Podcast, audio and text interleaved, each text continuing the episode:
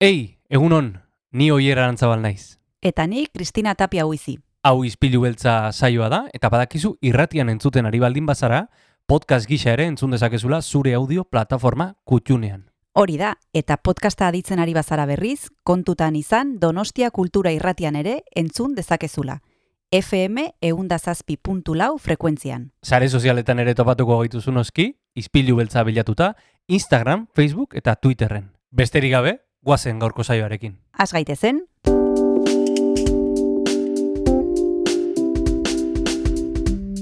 Ispilu beltza. Donostiako kulturaren berri, Oyer Arantzabal eta Kristina Tapia buizirekin. Egun honen zule, martxoak hogeita sortzi ditu, guk bigarren kafea maigainan dugu, eta huastera doa izpilu beltza Donostia kultura irratian.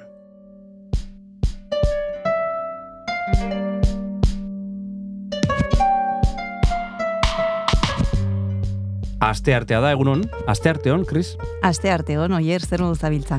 Ba, primeran. E, bueno, beste aste bat, ja, uda geroz eta gertuago. Esan zenidan, eh? Esan nizun, eh? Bai. Esan zenidan udaberria eta gero uda etorriko zela. Hori da, eh? Agian, bola bat erosi beharko duzu, oier. Nola asmatzeten, eh? Jo, eh. Eh, influencer. Igual, bai, bai, igual irratia utzi eta beste gauza batzutara dedikatu behar zara mendik aurrera. Etorkizun asmatzen. Etorkizun asmatzen, adibidez. Adibidez. Bai, Bai, bai. Dela, Ikusita nola asmatu duzun udaberria eta gero uda etorriko zela, ojo, eh? Aste azkena. Ojo, Kaso. kaso.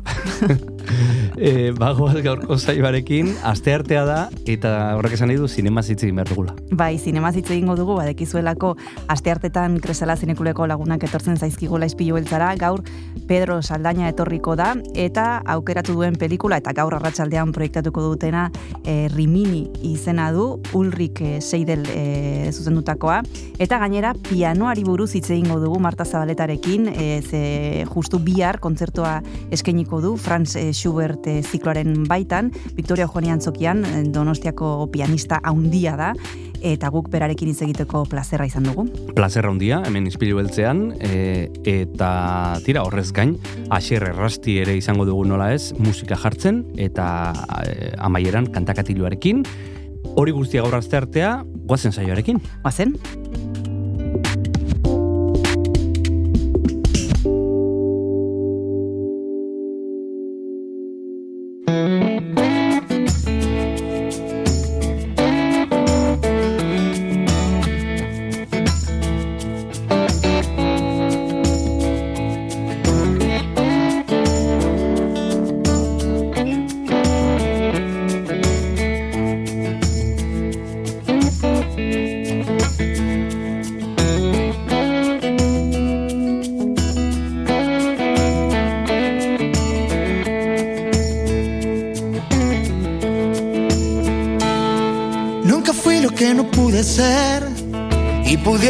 Solo soy lo que he podido. Soy el halcón que ya no quiere ver y aprendió a ponerse la capucha él solito. Alguien mueve el cascabel, pero esconde el veneno y los colmillos. Es la forma de caer, es la forma de volver de los abismos. De escribir sin más razón, de decir por puro miedo a no saber decirlo. De apretar el corazón, de aflojar de la cabeza los tornillos.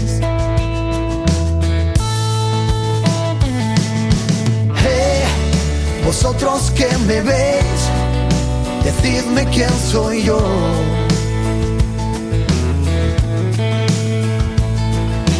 Hey, ¿quién necesita un rey teniendo aquí un bufón?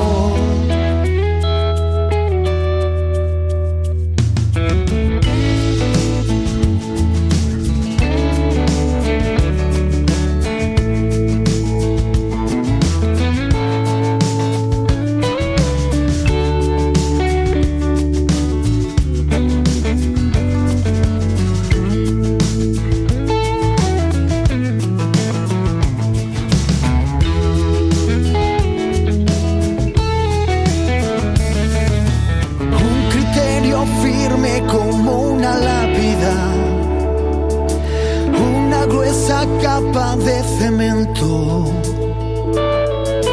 Todo se borró al pasar la página. Hubo una explosión por cada intento. Oh, oh, oh. La razón la encuentran los culpables. La verdad se queda en el camino. Ya no queda un corazón donde refugiarnos de nosotros mismos, de nosotros mismos. Hey, vosotros que me veis, decidme quién soy yo.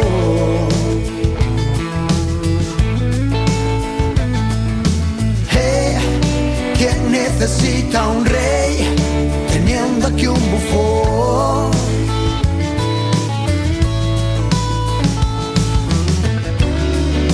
Cada vez que me miréis, si me encontráis solo una vez, solo una vez por cada vez, de cada vez que digo que es tan fácil perder la vista como la mirada, si nadie nunca recordará.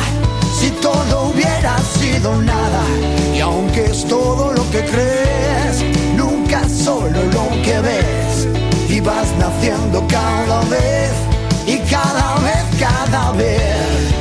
Ba, ba, ba, ba, ba,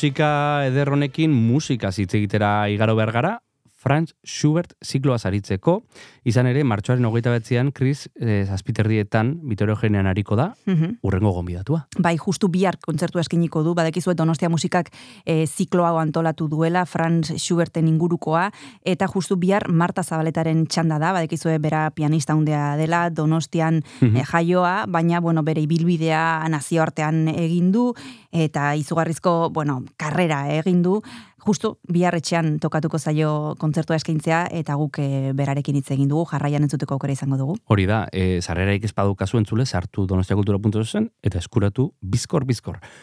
Marta Zabaleta, izpilu beltzea.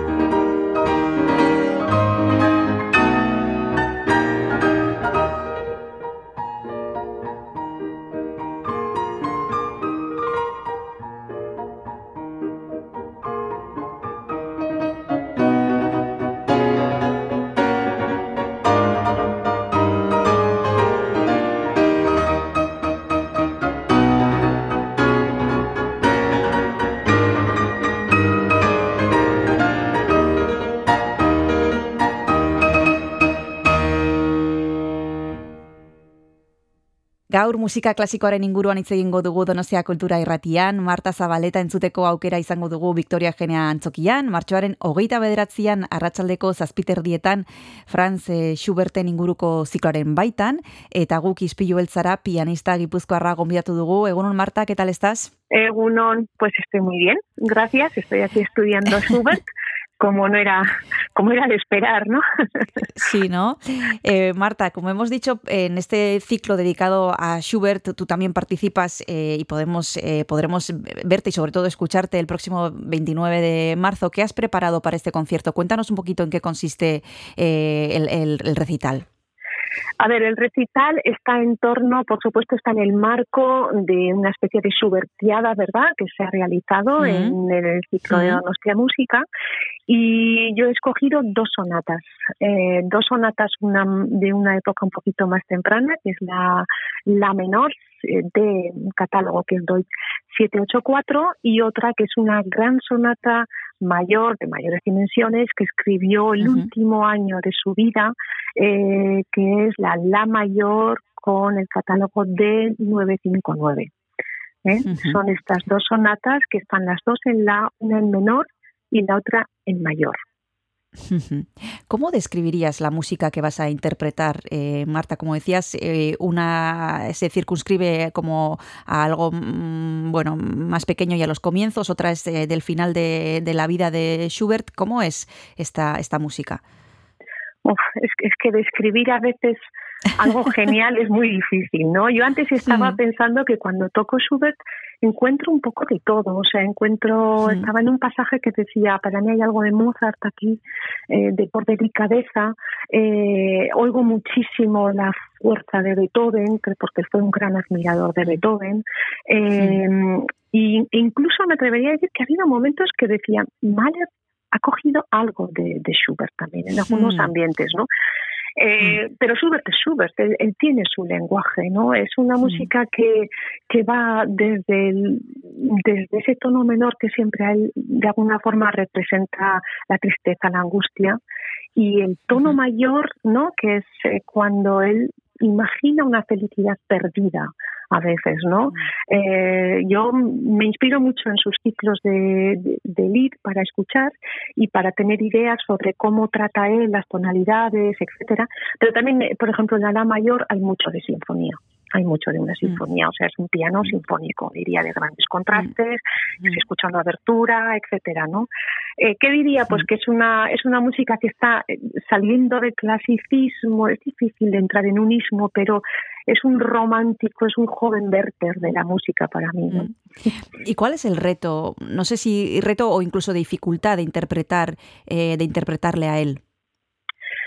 Ah, bueno, yo creo que siempre que eh, que tocamos algo que interpretamos a un compositor, para mí es que la interpretación esté a la altura de la genialidad de la obra, ¿no? Y que, y que lleguemos realmente a conectar con el público, explicárselo lo mejor posible, ¿no? Yo, esto suele ser normalmente mi, mi reto. Em, por supuesto, dominar las, las dificultades técnicas que puede presentar, pero sobre todo dar sentido al máximo no a todo lo que él está haciendo que esa arquitectura que él ha escrito mm. quede clara eh, que las melodías se escuchen realmente profundas los cambios armónicos mm, no sé, yo creo que es como, bueno, estamos enfrente de obras de arte, ¿no? Ahora las tengo que mm, explicar, ostras, es que no, no, es nada, ¿no? No es moco de pavo. Está en mis manos que, que, que realmente el público diga, qué genio este Schubert, ¿no? Eso, eso es el reto para mí, siempre. Y cuando preparáis los conciertos, Marta, eh, ¿os guiáis simplemente de las partituras y las interpretáis una y otra vez? ¿O también os ayuda a escuchar a otros intérpretes eh, que han tocado también las mismas piezas? No sé cómo, si eso sirve o, o al contrario es para contaminar, no sé cómo os preparáis. No, no, a mí no me contamina nada. A mí me enriquece todo lo que se ha hecho Mm. bueno. ¿eh? Lo que te decía antes, pues por ejemplo, sé que el Winterreis, que es un ciclo para canto, pues eh, mm, que también está en al final, bueno, sobre todo corregido, ¿no? Al final de su vida, pues me, me ayuda a saber en qué momento estaba Schubert. Eh, Mm. La La mayor, por ejemplo, la, la sonata, eh, aunque está al final de su vida, no se esperaba morir. Es una, una sonata llena de vida. Eh, Mm. Cuando escucho a otras personas, me gusta escuchar el canto mucho en un compositor como Schubert, que, que fue un promotor de, de la canción del Lied, ¿no? Eh, para que la poesía cantada. Me gusta mucho escuchar lo que, lo que hace en sinfonía. Y luego eh, a otros pianistas me gusta mucho escuchar el pianoforte, que era el, vamos a decir, el piano original, ¿no? Para quien Mm. para el cual él escribió. Eh, pues me encanta el pianofortista Andreas Steyer, por ejemplo, y luego también escucho otros grandes pianistas también, que digo, mira, a ver cómo ha opinado, ujú. cómo ha enlazado esto, como tal, ¿no? Mm. Luego llega un momento en que ya no lo escucho más, ya, o sea, es mío, es mi, mi idea, Mm. ya no, no dejo que nadie más interfiera. Pero, pero sí, hombre, tenemos un- unos referentes tan maravillosos que yo creo que hay que escucharlos, por supuesto. Nos vamos a tomar, Marta, un pequeño descanso, pero ahora mismo vamos a seguir hablando contigo de Schubert y de este concierto. Volvemos enseguida. Vale, gracias.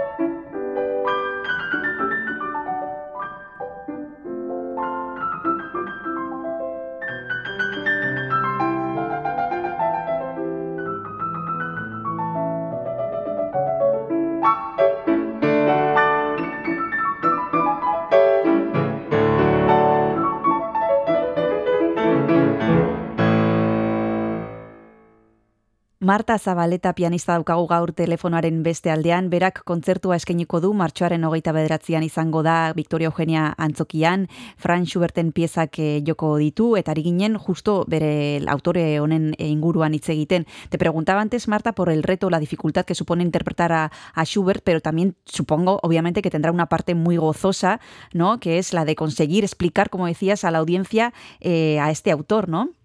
Claro, o sea, eh, yo creo que nosotros tenemos la, los pianistas y en general los músicos, ¿no? Nos enfrentamos a, a, música tan maravillosa que pues a veces estamos ahí luchando con un pasaje o lo que sea o preguntándonos cómo llevo esto a ver cómo se porque es arquitectura al final no sobre todo en la forma mm. sonata o sea no es una forma improvisada es una forma pensada organizada entonces eh, esta arquitectura cómo cómo la construyo yo y en ese pensar que siempre estás en torno a la belleza pues claro, solamente se puede, solamente se puede gozar, solamente puedes estar a gusto, ¿no? Mm es la parte del día pues que uno está sí, confrontado a la belleza y que contrasta muchas veces con todo lo que escuchamos en la radio, etcétera, ¿no? Y, sí, sí, es, es, maravilloso, yo pienso. Mencionas, Marta, ahora lo que escuchamos en la radio que no tiene nada que ver con la música de la que estamos hablando. Hemos hablado aquí con varios intérpretes que también van a estar en este ciclo. Me acuerdo para, por ejemplo, del cuarteto Guaridi que tuvimos, de cuarteto Guridi, perdón, que tuvimos a Jesús Perogil aquí. Em, este concierto, eh, Marta, es este y eh, todos los que integran el concierto, o sea, el ciclo de Schubert, son conciertos difíciles, son conciertos para gente que ya sabe de música clásica. No, yo creo que no. Yo en general creo que nunca hay que tomar esta opción, o sea, eh, pues no sé, yo creo que hay que ir a, un concierto sin pensar, entiendo o no entiendo. Yo voy a escuchar una música maravillosa por buenos intérpretes y me dejo llevar sencillamente. Eh, por supuesto que no. Mm, incluso es más, creo que a veces yo, por ejemplo, cuando escucho eh, pues los conciertos, te iba a decir que más disfruto son aquellos que mm, descubro la obra, eh, que no son de pianistas, incluso porque ya la he escuchado mil veces. Eh, no, yo creo que no es, es bueno ir a algo nuevo y, bueno, yo lo he vivido así. A mí me ha parecido, mm, no sé, me he podido evadir, etcétera, ¿no? Y, y Schubert, desde luego, es un compositor melódico, dulce, con contrastes. Eh, yo creo que es, no sé, es un compositor muy, muy cercano al público, en mi opinión. ¿No? Tenemos los grandes hits, ¿no? El Ave María, eh, la Serenata, eh, la, eh, algunas marchas que él tiene también militares, ¿no? Que son súper conocidas. Sí, yo creo que está incluso metido un poco en la, en la música popular, vamos a decir, ¿no?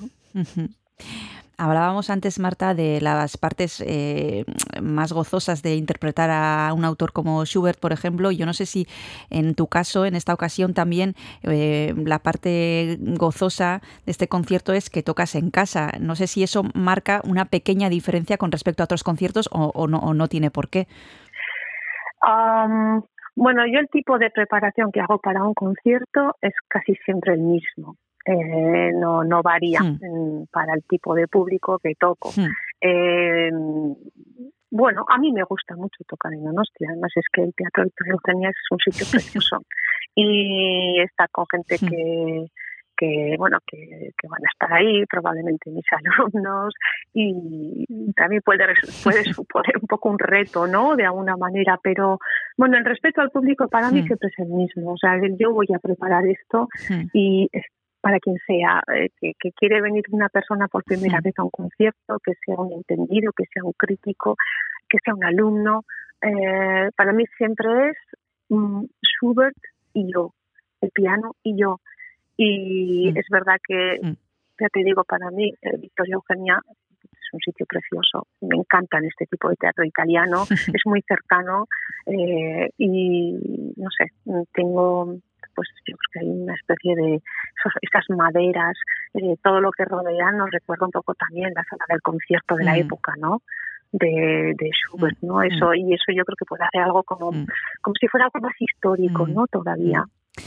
Bueno, pues en este teatro es donde Marta Zabaleta va a ofrecer el concierto que hemos dicho que tendrá lugar el próximo 29 de marzo. Nos vamos a tomar el segundo descanso y volvemos ahora mismo para seguir hablando con ella.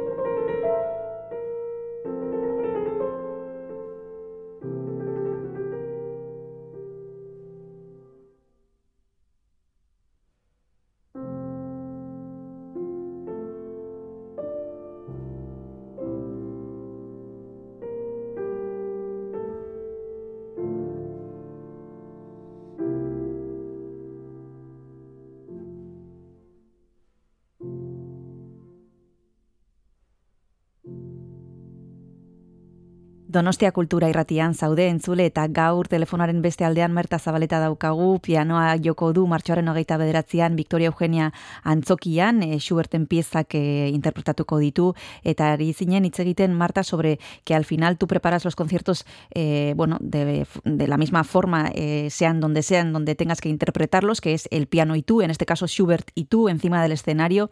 No sé si tienes recuerdo de la primera vez que tuviste contacto con, con el piano si en casa había ambiente de música, si es algo que tenías claro desde pequeña, si es algo que ha surgido con el tiempo. No sé cómo fue eh, tu enamoramiento con este instrumento. Bueno, yo cuando nací ya había un piano en mi casa. Sí, porque lo tocaba mi tío y que lo mm. compró y él nos daba como había estudiado un poquito de piano de órgano y tal y entonces nos daba algunos conciertitos los domingos y nosotros bailábamos, ¿no? Mi hermana y yo bailábamos con aquellos pequeños conciertos que nos tocaba. Y siempre ha habido siempre ha habido una un, ambiente muy musical en mi casa. Y yo decir que me enamoré um, de la música y había un mm. piano en mi casa. O sea, quiero decir que fue como el instrumento que me sirvió para hacer música. ¿Qué hubiera ocurrido si hubiera habido un violín? Pues igual hoy por hoy era violinista, no lo sé. Mm.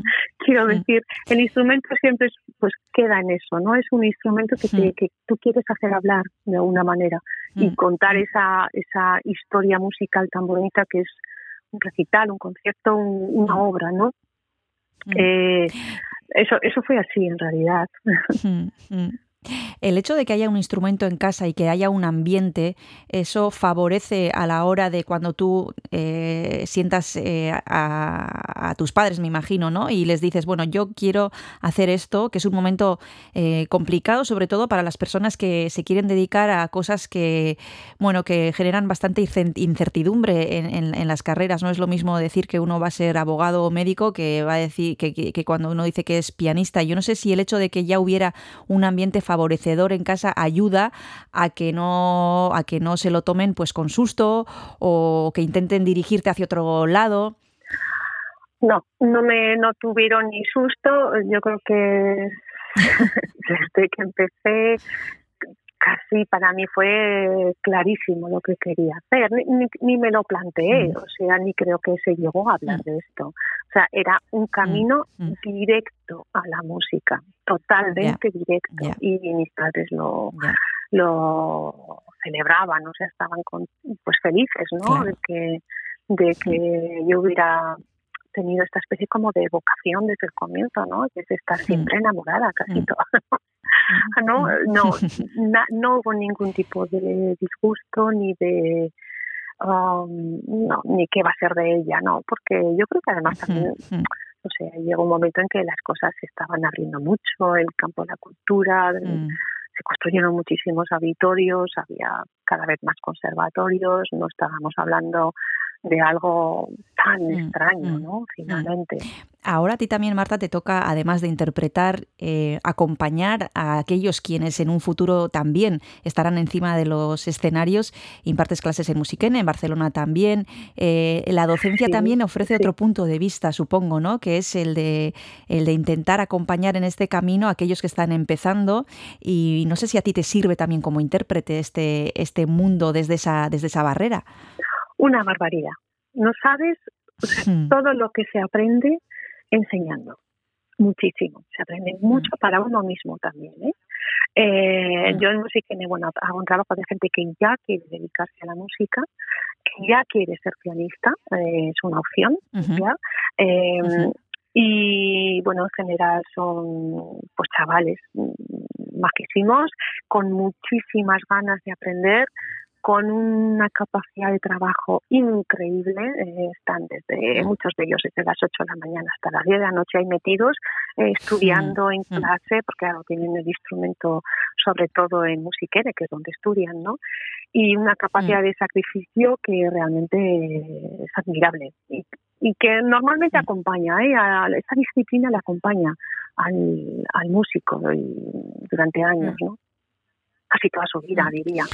Eh, a mí me parece a todos los niveles enriquecedor Eh, me encanta tener pues estas edades, de 18, 22 años, eh, son, no sé, aportan una frescura también, ¿no? Hay interpretaciones hmm. de ellos a veces que son tan jóvenes, tan frescas que, que no sé, me, me pueden llegar a, emocionar a veces, ¿no? En un examen, en un concierto, ¿no? Y bueno, pues ahí hmm. explorando todos los campos, desde trabajando para que la música, la partitura les quede lo más claro posible, que luego sean cada vez más confiados en una escena, se hace falta tocar mucho y en ese sentido pues por ejemplo creo que este ciclo de, que hace nuestra Música no y de Carlos Benito que que les dan muchas oportunidades a los alumnos. Eso es fantástico, es lo que hay que hacer realmente, porque claro, se aprende mucho en las clases, pero luego hay que tocar y uno tiene que empezar a relacionarse ¿no? con el público y mm. decir, bueno, pues hoy me ha podido un poquito los nervios, pero igual la siguiente vez ya empiezo yo a imponerme un poco más a mí, ¿no? mi personalidad y tal, y eso no se mm. adquiere eh, solamente en un aula, esto tiene que pasar en escena. Y mm, hablando en general de estos alumnos, aquí hemos hablado con varios eh, músicos y también docentes. Eh, me acuerdo, por ejemplo, de una entrevista con Germán Ormazábal, el responsable de la EGO. Eh, nos decía que en este mundo global las oportunidades las tienen que pelear los alumnos en, en, todos los, en todos los frentes y en todos los sitios casi del mundo, ¿no? Que ahora ya, pues casi casi que existe solo un país en este, en este ámbito. ¿Qué, es, qué futuro les espera a los alumnos de Musiquene y a los alumnos en general, eh, pues a los que tú impartes eh, clases? Bueno, yo creo que el futuro es el camino que ellos sigan puede ser recto, curvoso, mm. eh, es que es muy difícil de prever. Es decir, algunos que pueden decir yo mm. voy a optar por ser solista y acaban pues más bien siendo profesores. Otros dicen no, yo me quiero dedicar a la enseñanza y mm. al final están acompañando. Quiero decir, eh, el piano sobre todo es un instrumento que da mucho de sí. ¿Eh? que se pueden hacer muchas cosas. Mm. Em, y también estamos en un momento en el que todo el tema de redes sociales, etcétera, ayuda mucho a la promoción, mm. pero también hay un punto un poco de saturación a ese nivel. Entonces, mm. ellos se están preparando de una forma un poco diferente a nosotros en el sentido, ¿no? De saber pues yo qué sé, hacerse una página web, cosa que nosotros no hemos aprendido para nada. Eh, en ese sentido, van a ser más listos, pero también van a tener mucha competencia ¿no? a ese nivel. Entonces, normalmente el futuro mm, más prometedor siempre está en el curioso, en el inquieto, en el disciplinado, en el que no se conforma.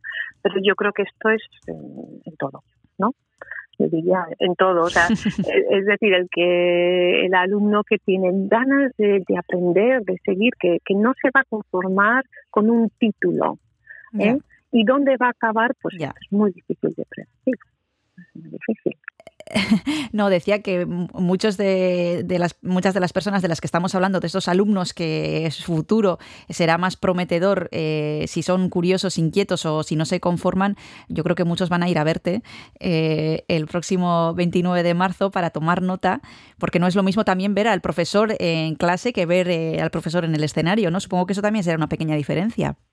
Claro que hay una diferencia. Eh, pero bueno, ellos ya me conocen, muchos de ellos ya me han escuchado en más ocasiones y bueno, yo siempre intento decirles lo mismo. Cuando uno llega a escena, y ellos lo saben y como se los digo, ya hay que perdonarse todos los errores porque no mm. importan, lo que importa realmente es la transmisión y mm. que uno casi se haga mm un cuerpo con el instrumento y mm. que todo el resto desaparezca, ¿no? Concentrarse mm. mucho en eso. Mm. Eso es lo más, yo creo que para cualquier persona que está en escena y el público lo sabe, lo recibe de esta manera, ¿no? Que lo que importa de alguna forma es esa entrega y ese trabajo previo, por supuesto, porque la entrega sin trabajo no hay, no se ofrece nada, ¿no? Eh, sí, es, es, una especie de triángulo maravilloso, ¿no? Schubert, público y el intérprete. o sea, hay un punto un poco mágico en todo esto. algo que no te puede dar YouTube. ¿Eh? Eso es, por supuesto, no, te puede dar YouTube, eso, está clarísimo. Mm, no me gusta escuchar muchos conciertos online porque el, sonido no es este, la energía del intérprete, yo no la mm. recibo igual, eh, no sé, hay, para mí tiene que, tiene, el directo es absolutamente maravilloso. Bueno, se produce esa magia que decías ahora y esa magia, pues eh, por mucho que eh, algunos se empeñen, pues no se puede producir ni reproducir eh, pues ni online, ni en el ordenador, ni con la tablet, ni con el móvil, ni con nada. Por eso invitamos a los oyentes a que si pueden y quieren se acerquen el próximo 29 de marzo al Victoria Eugenia porque tienen ocasión de, escuchar a Marta, a Marta Zabaleta interpretando a Schubert, que será un concierto maravilloso, como hemos explicado aquí. Y y además podrán sentir eh, esa magia tan especial que solo se produce cuando eh, la música es en vivo y podemos casi que palpar al intérprete, palpar el piano y bueno, pues sentir un montón de cosas que no nos ofrecen eh, pues otras, otras, otras posibilidades, otras opciones que tenemos tan a mano estos días. Marta, es que ricasco por haberte acercado a Ispillu Belza. Te dejamos seguir estudiando a Schubert. Un abrazo muy grande y hasta la próxima. Agur. Agur.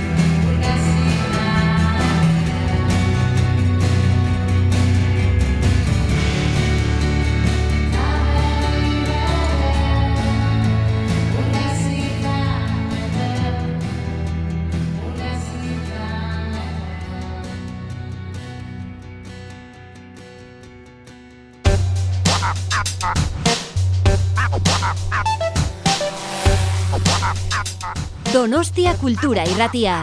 Zabaldu gurekin Donostialdeko kulturaren leioa.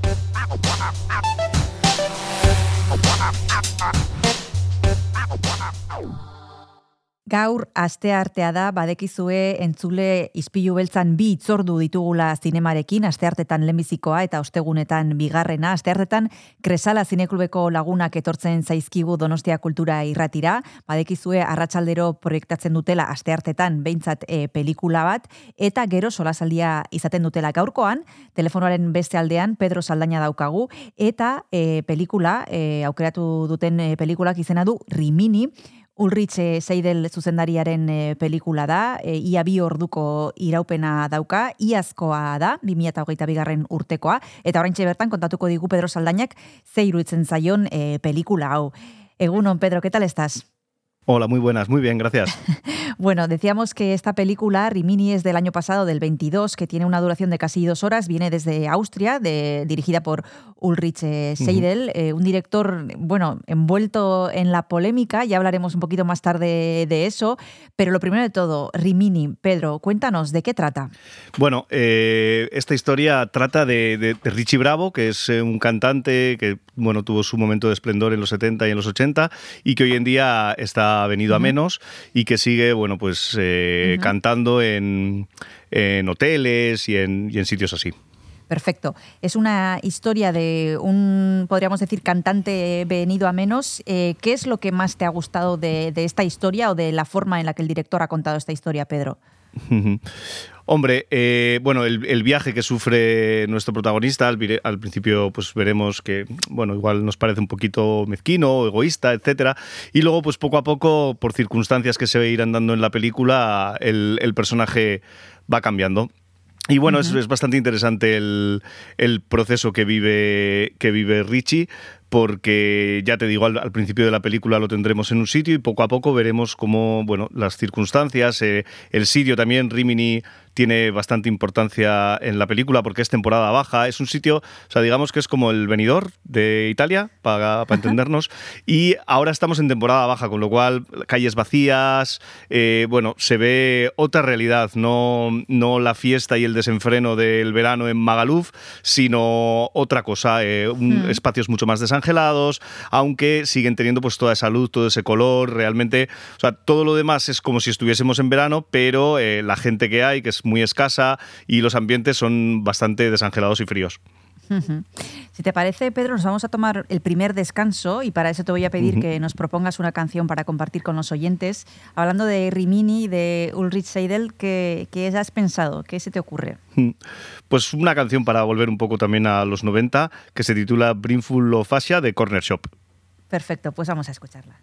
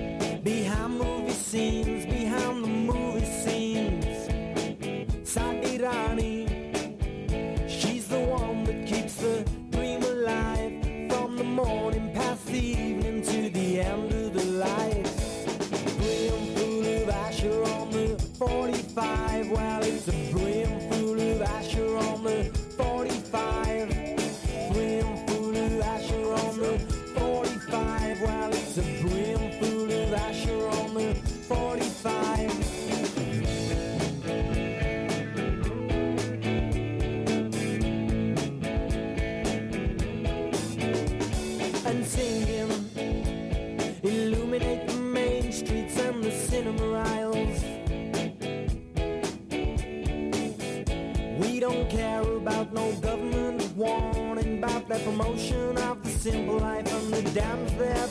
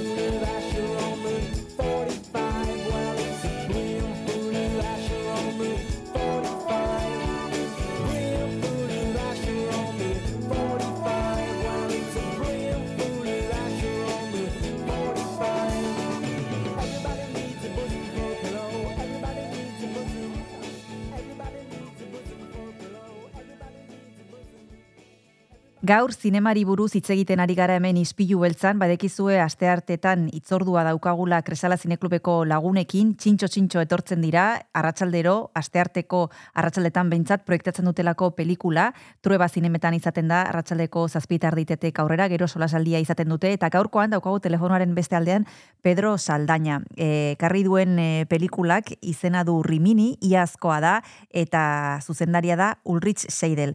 Pedro, nos estabas hablando de la sinopsis de un cantante venido al menos, eh, Richie Bravo, en una población italiana, pues en principio turística, pero que justo la historia transcurre en un momento en el que no hay demasiado turismo porque están en temporada baja y eso le hace tener un tono, digamos, un poco más desangelado, frío incluso, ¿no? Sí, sí, sí. Y mm, a- eh, existirán también otros elementos que eh, añadirán a, a todo esto. Es, es una localidad en la que, por lo visto, también hay bastante inmigración y esto cuando no haya tanta gente en la calle se nota mucho más.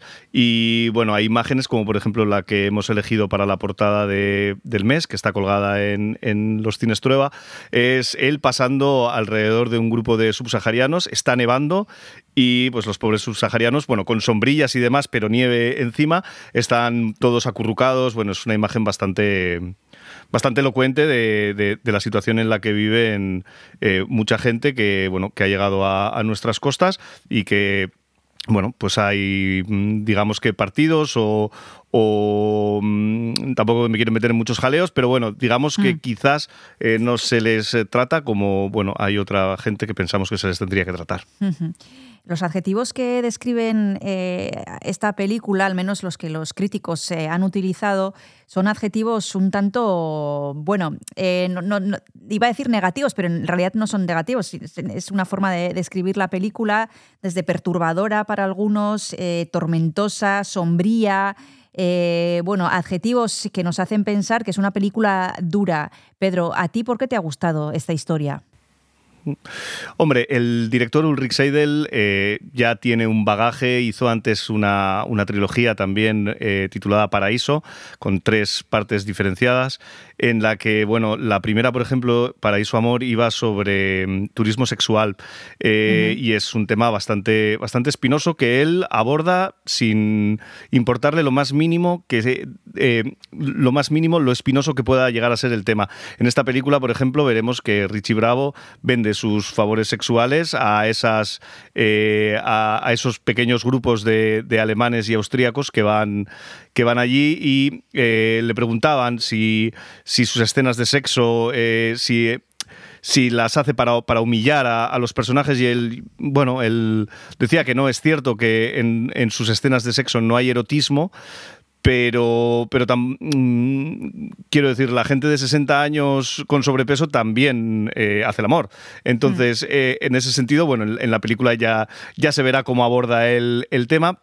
Pero sí, evidentemente puede ser considerado un cine seco, áspero, eh, mm, eh, el tratamiento cinematográfico también que tienen sus imágenes, eh, planos muy fijos, muy pocos movimientos de cámara, hay, digamos, poco virtuosismo técnico, entendiendo virtuosismo técnico como eh, locura, desenfreno Hmm. o agilidad también. A veces podemos, podemos entender eh, quizás que la película eh, se te puede hacer un poco lenta, pero eso es, es una intención totalmente buscada por el director para, bueno, primero darle como un tratamiento bastante documental a- al asunto, a la, a la historia que, que está contando, y luego también bueno, para tomar también esa distancia con, con los personajes, no suele hacer muchos eh, planos cortos, o sea, rara vez eh, vemos eh, las caras perfectamente, normalmente estamos más alejados.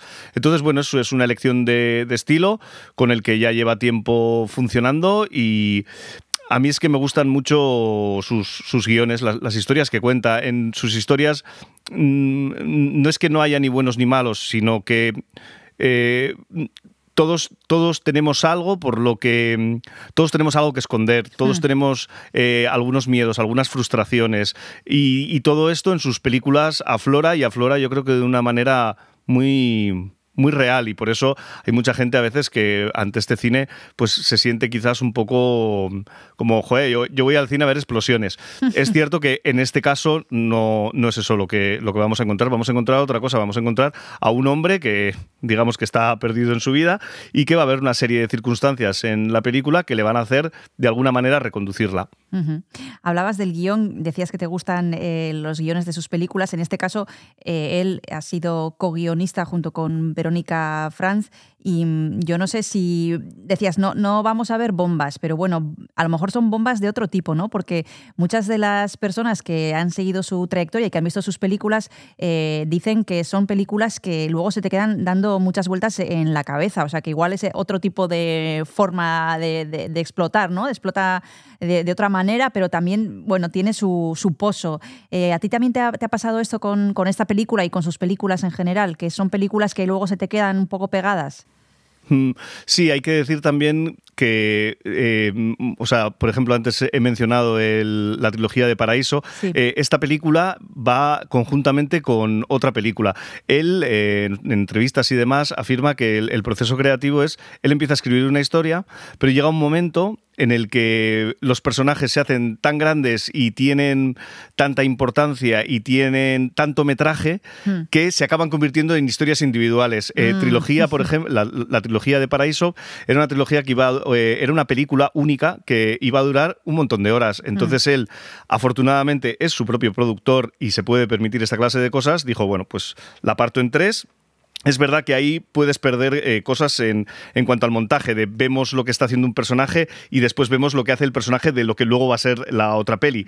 Eh, pero también, eh, en mi opinión, ganan mucho porque mm, sus guiones, aunque él también dice que el guion es solo el, el sitio del que, del que parte, o sea, el guion no es algo inamovible, sino que es lo que a él le permite poder seguir la, la estructura, es perfectamente móvil y perfectamente cambiable. Lo habla con, con los actores y llegan a, a- a lo que quiere a lo que quiere sacar Ulrich Seidel de, de esa secuencia. Entonces mm, tiene una manera de trabajar muy, muy particular. Mm. Cuando hablas, Pedro, de trilogías e incluso de dípticos, eh, ¿eso significa que las películas tenemos que verlas en el orden que él propone? ¿Son independientes? ¿Podemos mm, eh, ir a una sin haber visto las anteriores? Sí, sí, sí, sí. Se puede ver perfectamente cualquiera de Paraíso sin haber visto ninguna de las otras porque no afecta a la trama. Es cierto que hay personajes que salen y en, y en el caso de que nos ocupa, en Rimini, su, la otra película, la película hermana, por decirlo de alguna manera, es Esparta, que se echó en el, en el Festival de Cine. Sí. Y, en, y estas dos películas tienen un nexo de unión. Los dos protagonistas son hermanos. Richie Bravo eh, tiene un hermano que es el protagonista de Esparta. Y Vale. los dos tienen un padre que todavía está vivo. Lo que pasa es que igual ya empiezo a contar demasiado. Pero bueno, de lo Esparta vamos a hablar la semana que viene, o sea que Sí. no te adelantes. Vamos Sí. Hmm. a centrarnos en, en Rimini, que es lo que hoy nos ocupa, pero antes nos vamos a tomar el segundo descanso. Pedro, eh, ¿qué nos propones para escuchar? Pues había pensado en Mala Vida de Mano Negra. Perfecto, pues vamos a escucharla.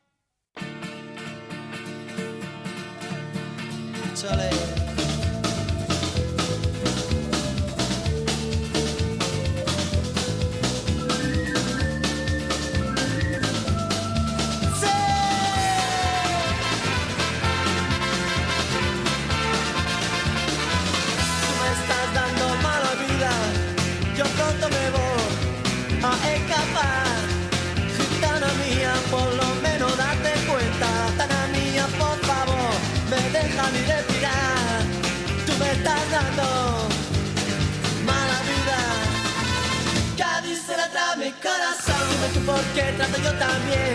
Cuando tú me hablas como un cabrón, Tana mía, corazón estás sufriendo. Tana mía, por favor, sufriendo malnutrición me estás dando. Mala vida. Cádiz se la trae mi corazón. Dime tú por qué trato yo también. Cuando tú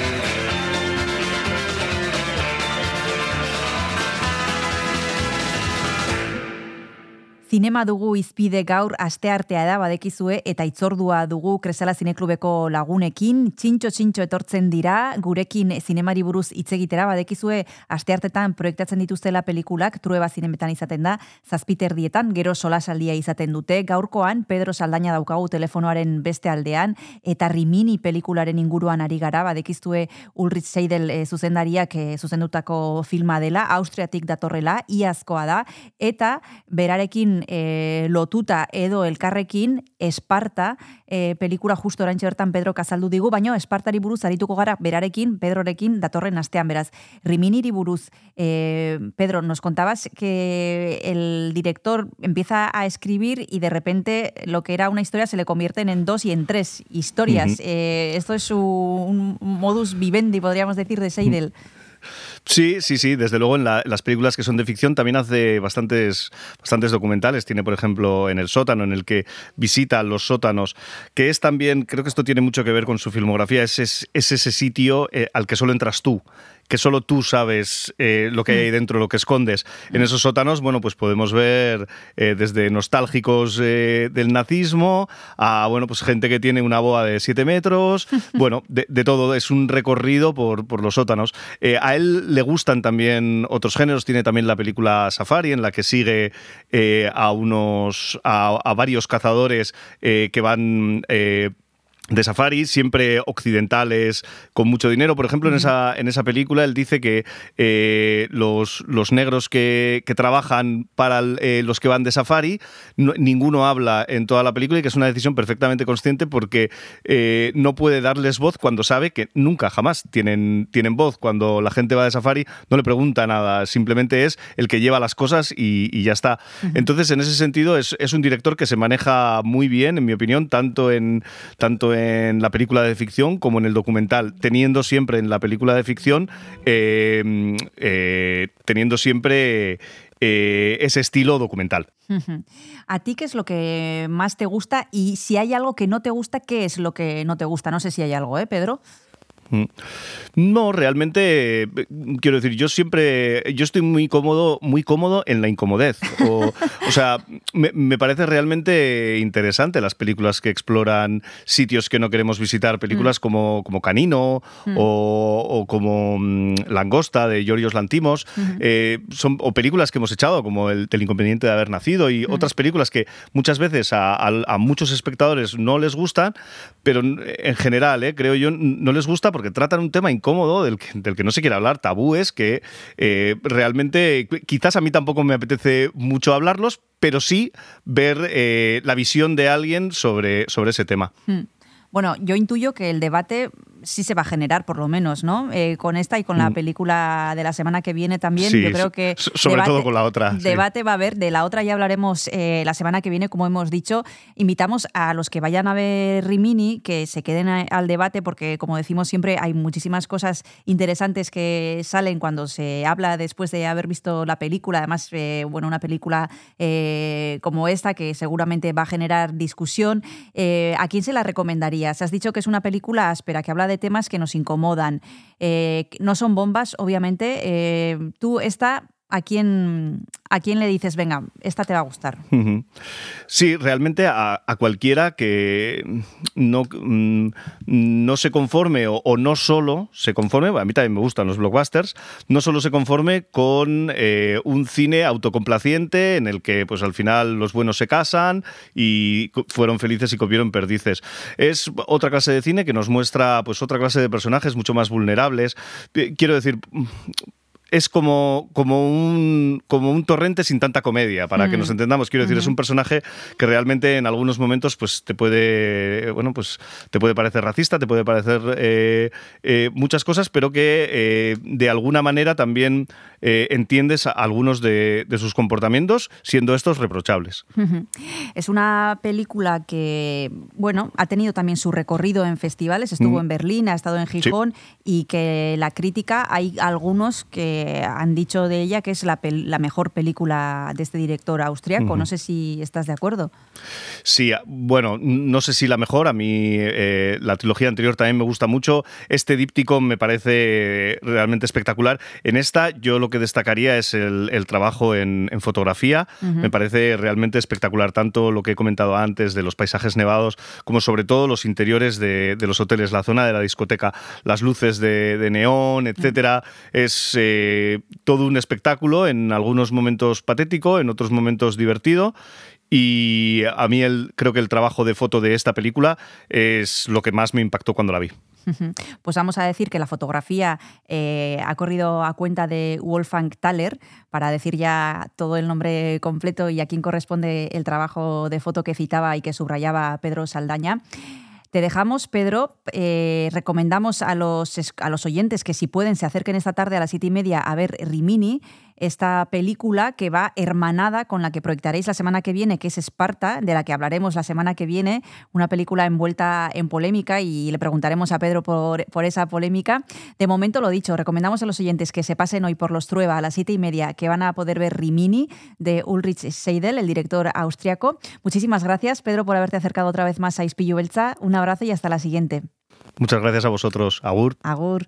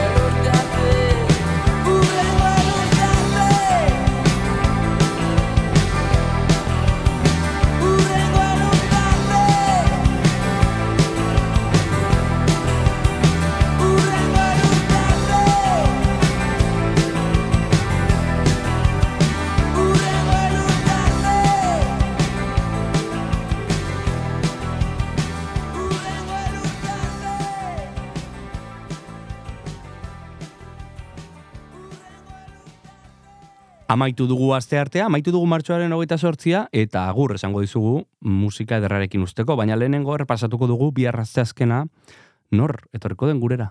Bihar etorriko da gurera Jesus Perojil.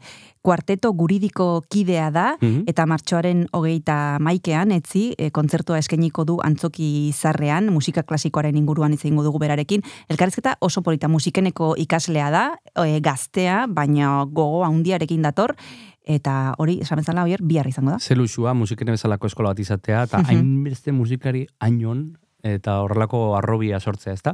E, musika klasikoa maite dugu, klasikoak datoz bihar izpilu beltzean, eta bitartean, ondo segi, eta ondo pasa, kantakatiloarekin. Bihar arte. Agur, agur. irratia.donostiakultura.eus Donostialdeko kulturaren irratia, sarean eta nahi erara.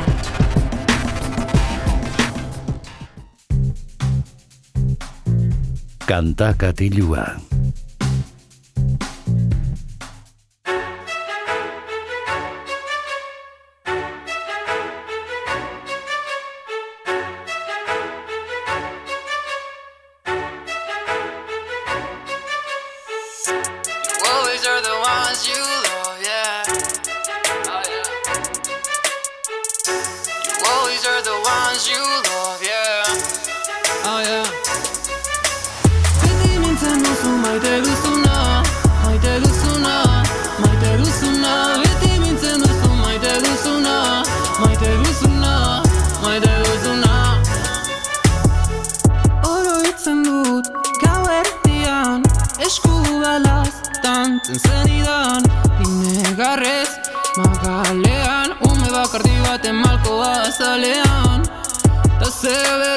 Pertsonai bat alnaiz orain.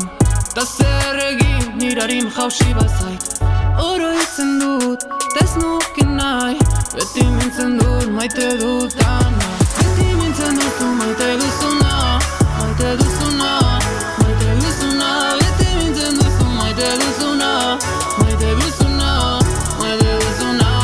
Yeah. I've been waiting for your call night Avem și și și comeback-om E urtul sa bioța Șutul sa itaoa Urte pare baten laburtu burtul Tu bisița șoa Da, da, da Pe dimineață nu sunt mai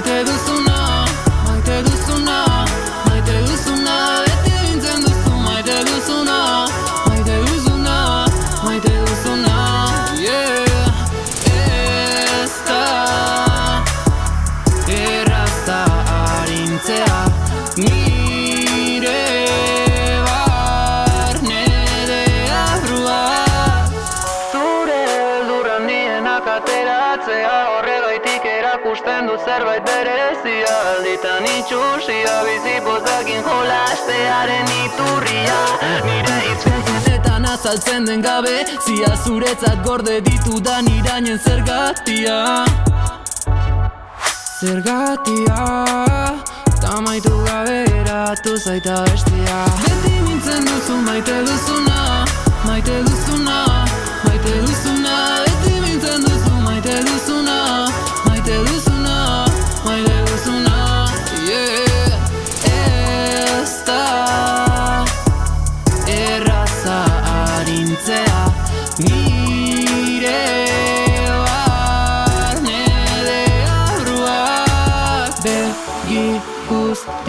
nahi ditut nire menpean ez al nau zue ikusten ni laguntza eskean Begi guztiak nahi ditut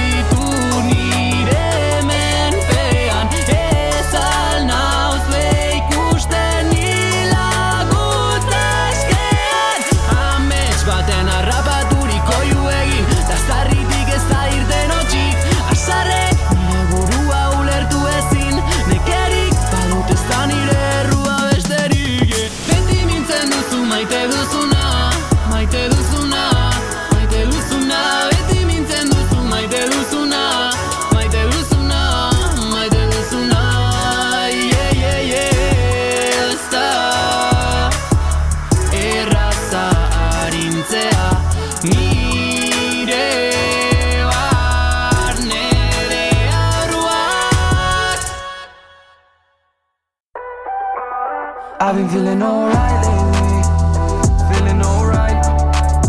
I've been feeling alright lately, alright lately, but I've been feeling alright lately, feeling all. I've been feeling alright lately. Alright, mi mente en blanco, feeling fine Llevamos cuatro pijamas A 180 en el bebeto ya no hay más Ya pillaremos al llegar porque no tengo donde dormir Ya, cerca de ti. Ya, seco mi cuerpo, ya tiro pa'lante. Yo intento seguir el ritmo Y vaya otro tiro, ya todo perdido Solo te pido otro trago de vino. Lloro al de rato, sonrío como un puto crío, eh. Como un puto crío. Sal de mí ya de una vez Sal de los poros de mi piel. Despierto hasta enloquecer Sigo sin saber por qué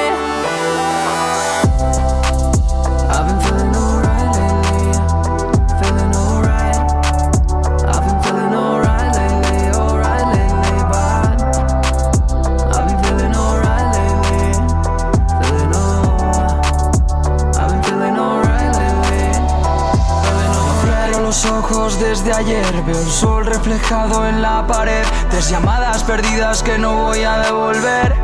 Quedan dos horas para el after, han sido necesarios. Diez garitos para tomar. Y ese party de tu Kelly que no estuvo nada mal. Luego hablamos de tus cosas, nos pusimos a llorar. Ahora vamos dando el canteto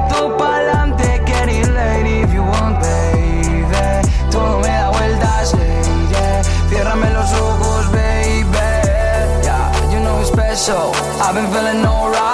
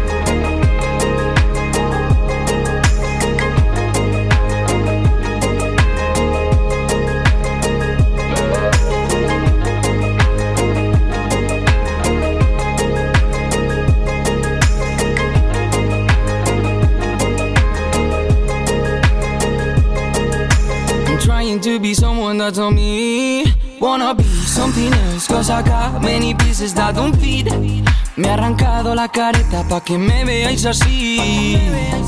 Y aún así no te vi, te busqué y no te vi. Cause still I got too many, too many. Still I got too many pieces that don't fit. Still I got too many pieces that don't fit. Estoy cansado, sin saber qué decir. Me he arrancado la careta y ahora sí que me da miedo todo alrededor de mí. Solo me quiero dormir, solo me quiero dormir mi reflejo, shit que tengo es yo No estoy en tu radio, baby, I'm too unique. No quiero destronarte, solo quiero mi parte. Loco, déjame en paz, ya Sé que soy un diamante.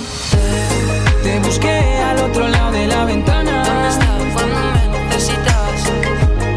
Desenfocando la mirada. Nadie por aquí. Te busqué al otro lado de la ventana Desenfocando la mirada. Por aquí. Giving my life away from me. There ain't no way, there's no time for more I cannot escape this pain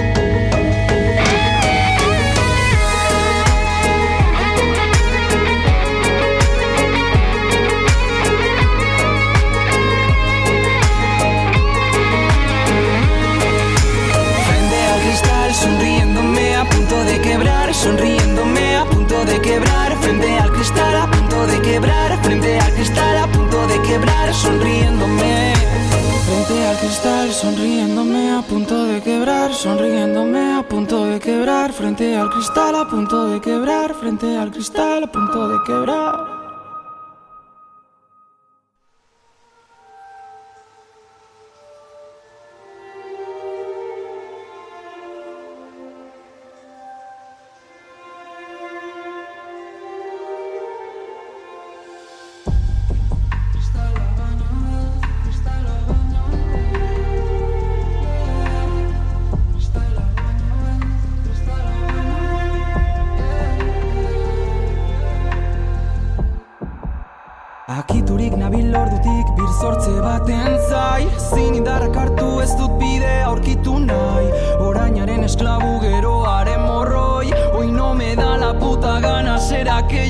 Soy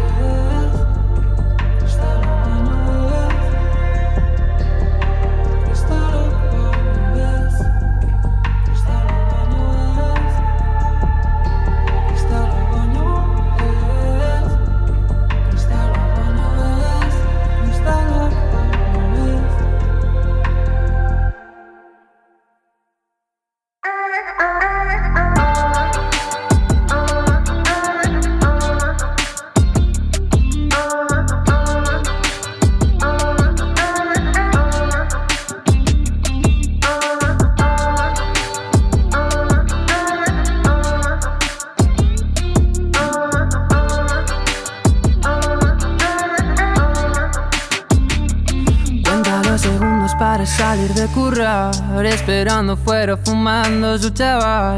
Solo necesito que me digas que me das una boca nada más de tu cuerpo más.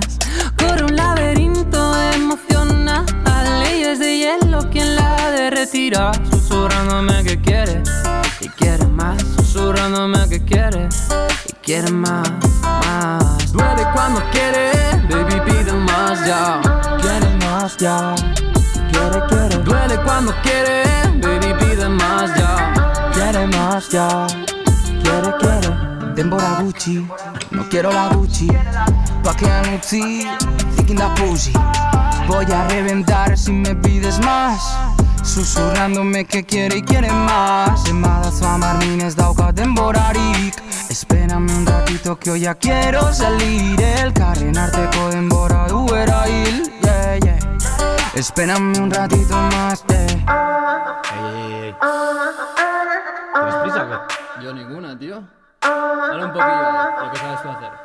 ¿Quieres más? Dale un poquito más, tío. Ey. Yeah, yeah, yeah. Se ha dormido con la lámpara encendida. Son las cuatro y no ha venido. No, no, no. Cuando empieza se le olvida la fatiga. Cuando acaba ella prende. Se ha dormido con la lámpara encendida. Son las cuatro y no ha venido todavía. Cuando empiezo se le olvida la fatiga. Cuando acaba ella prende la sativa. Ey. Duele cuando quiere, baby pide más ya. Quiere más ya. Quiere, quiere. Duele cuando quiere, baby pide más ya. Quiere más ya. Quiere, quiere. Duele cuando quiere, baby pide más ya. Quiere más ya. Quiere, quiere. Duele cuando quiere, baby pide más ya. Quiere más ya.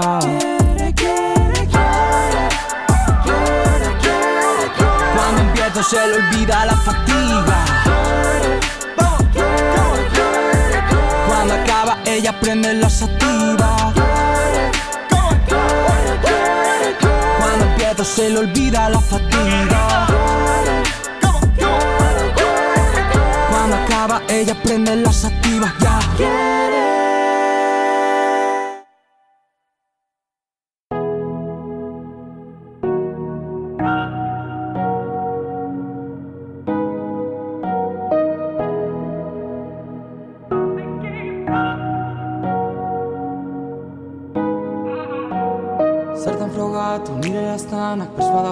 tarta gaztana Zertan frogatu nire laztanak Fresh badaukazu tarta gaztana. Zertan frogatu nire laztanak Pres badaukazu tarta gaztana. Zertan frogatu nire laztanak Nire laztanak Nire laztanak Tarta gaztana